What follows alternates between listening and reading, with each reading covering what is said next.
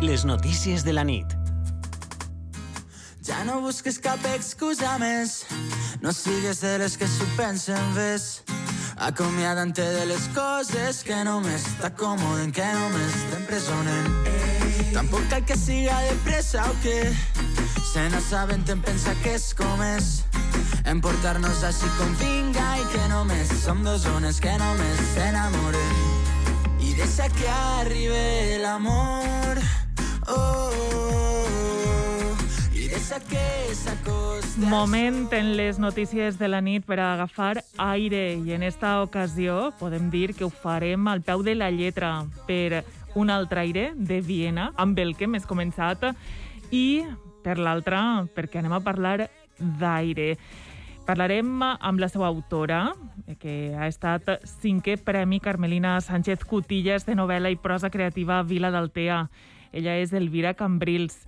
La Junta Territorial del País Valencià, de l'Associació d'Escriptors en Llengua Catalana, també ha acordat concedir-li la lletra lila d'enguany, distinció a la trajectòria cívica i literària.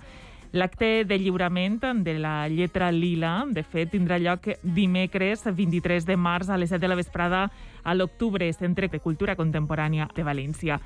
Elvira Cambrils ha exercit de catedràtica de filosofia de batxillerat, és narradora i novel·lista, i esta última faceta la desenvolupa públicament ja en la seva maduresa.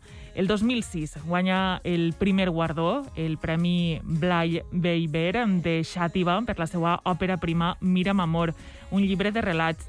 Des d'aleshores no ha parat d'escriure, de publicar i de guanyar premis. És comú, en la seva obra, una mirada crítica per a explorar les altres cares de la realitat. La reflexió sobre les identitats en una societat plural, la perspectiva de gènere i la cerca d'una vida bona constitueixen els materials amb què construeix les ficcions. Bona nit, Elvira, i enhorabona pels premis i reconeixements aconseguits eh, fins ara. Bona nit, Sara. Bona nit, audiència de Punt. És una alegria immensa que justament siga la periodista Sara Garcia la que m'entreviste, en la qual m'uneix un afecte i una estima, però de sempre. Encantada d'estar així. Doncs eh, igualment de que estigues. Aire és l'últim llibre que has publicat. És una obra coral protagonitzada per set dones de diferents edats, diferents estats socials, eh, podríem dir, i en general no tenen una vida fàcil o almenys no tenen una vida perfecta, sinó que guarden secrets, que van despertant a les submissions patriarcals. Es parla de sororitat en la teua obra i justament esta obra rep el Premi Carmelina Sánchez Cutillas, una dona trencadora per a la seva època. Era, Elvira, el moment d'escriure esta història? Jo crec que sí, jo crec que les històries deixen en el moment que han decidit. I aquesta, la d'aire, se'm va imposar. Jo sempre ho dic, que no escrivim el que volem, escrivim el que ens permet la pàgina. I en aquest cas, Aire es va interposar en una altra novel·la que estava escrivint des de feia un temps i va sorgir amb molta potència, amb molta força i amb molta necessitat de ser contada. I va ser durant nou mesos quasi consecutius, ràpidament, que es va escriure. És a dir, que Aire eh, volia així i, i va anar així. I el fet que la premiaren en la Carmelina Sánchez Cotillas, pues, justament en l'any que es commemorava el seu centenari de naixement, en l'any en què l'Acadèmia Valenciana de la Llengua li dedicava l'any Carmelina, pues, ha sigut una sèrie de circumstàncies que m'han fet molt feliç. Perquè, efectivament, per a mi, Carmelina Sánchez Cotillas és un referent.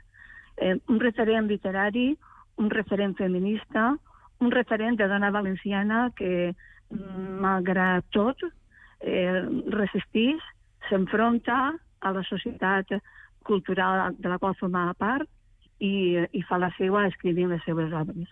Així és que eh, no, puc, no puc estar més contenta Uh -huh. de que Aire, aquestes set dones, com veies tu, hagin trobat aquesta, aquesta deessa de la fortuna que les ha favorit.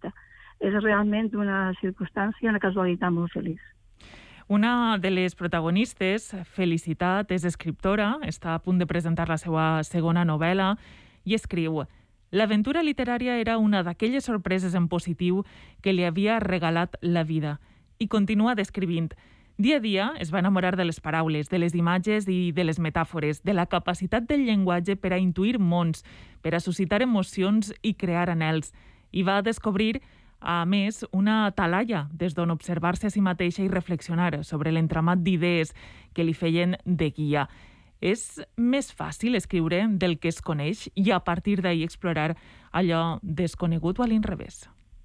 Jo crec que eh, escriure no és fàcil i descobrir eh, el que amaga dins de tu mateixa tampoc no és fàcil. Però el que estic segura en el meu cas és que l'escriptura és una teràpia, és un mètode, és una eina, és una via de coneixement. I, de fet, vaig començar a escriure com, com un joc, jugant, divertint-me, i continuo fent-ho d'aquesta manera, no?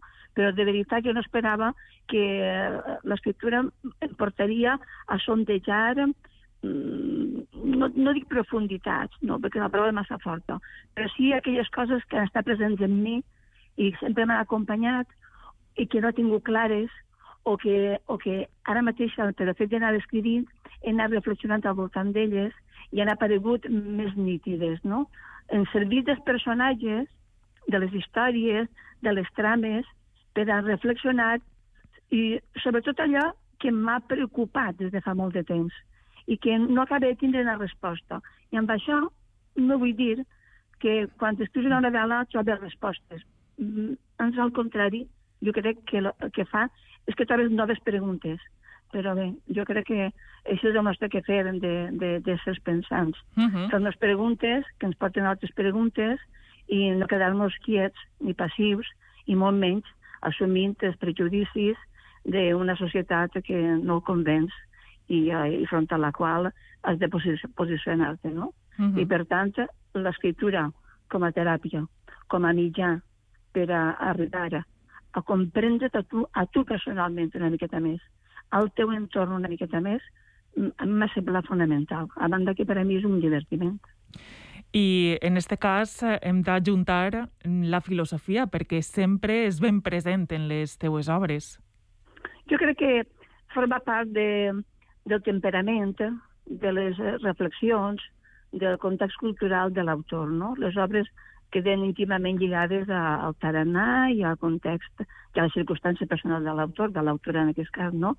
I en el meu cas, el fet que durant 34 anys m'hagi dedicat a la docència de la filosofia, tractant d'aportar aquest punt de vista crític, l'altre punt de vista, el que la societat no sol mostrar a una sèrie d'adolescents, m'ha creat una manera de pensar, una manera d'estar en el món, no?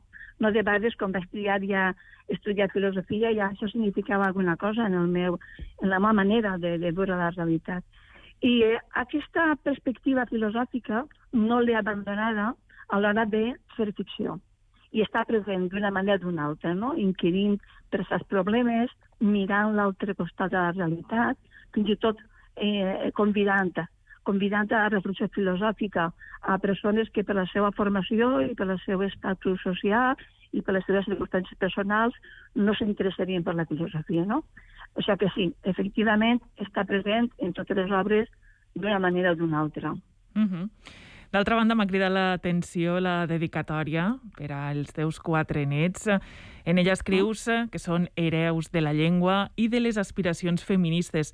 Una qüestió, esta última, que abordàvem el passat 9 de març en la tertúlia de les notícies de la nit, i més o menys concloïem que és essencial aquest matís de que els eh, xiquets mm, d'ara siguen les aspiracions feministes del futur, no?, per aconseguir una societat més igualitària. Naturalment. Eh, el feminisme no és cosa de dones, només. És cosa de dones i d'homes és com l'antiracisme no és cosa de negres, o de grocs, o de blancs. L'antiracisme és propi de qualsevol ser humà en dos dies de coneixement. D'igual manera, eh, quan penso jo en el futur, el feminista ha de passar per el convenciment de la societat de que homes i dones eh, tenim dret a, al mateix número d'oportunitats. Tenim dret a que no se'ns arracone per el fet d'haver nascut d'una manera o d'una altra. És una qüestió simplement de drets humans, com la resta de drets humans. Cap ésser humà té dret a que a priori se'l castigui, se'l condemne, com de fet fa la societat, en les classes socials, en d'origen pobres, en eh, primer i segon món, etc etc. no? Aleshores, es tracta de no només que les dones estiguen al seu lloc, que és fonamental, perquè el feminisme, sense dones feministes, no aniria enlloc. No es tracta de paternalisme i dir-te, dona, tu has d'ocupar el teu lloc, t'ajudarem, no es tracta d'això. Es tracta de que una, efectivament, lluita com lluiten tots, o treballa, és que lluitar no m'agrada la paraula lluitar, treballa com treballen tots per aconseguir els objectius socials i personals que estime interessants per a la seva vida. I en això és molt important que eduquem als xiquets en aquesta igualtat. Per això jo quan dedicava aquest llibre vaig pensar ha de ser per a ells, als meus quatre nets. Els quatre nets homes, als quals de llegat els lleguem tots la llengua, perquè la llengua també és una qüestió d'amor. Igual que me la van llegar a mi, els meus pares, els meus abuelos, nosaltres es la lleguem a ells. Però no només els lleguem la llengua, també les aspiracions feministes i altres valors, naturalment. I per això vaig tenir clar aquest llibre, que era un llibre en què estava present la sororitat, en què es parlava de dones, dones que emergien del llarg somni patriarcal personal de cadascuna i a poc a poc, en consciència, en voluntat i sobretot amb molta sororitat, ajudant-se unes a les altres, van prenent consciència de quin és el seu lloc en el món, què és el que volen fer. I aquest llibre de dones ha dedicat per a quatre homes.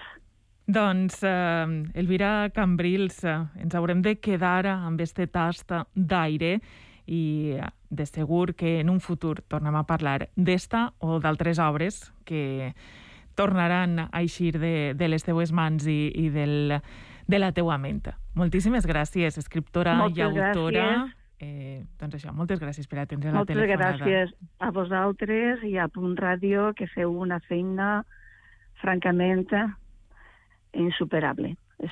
Necessitem una bona ràdio. Gràcies. Gràcies a tu i molts èxits. Adéu, Gràcies, bona nit. Sara, bona nit. A punt. Les notícies de la nit.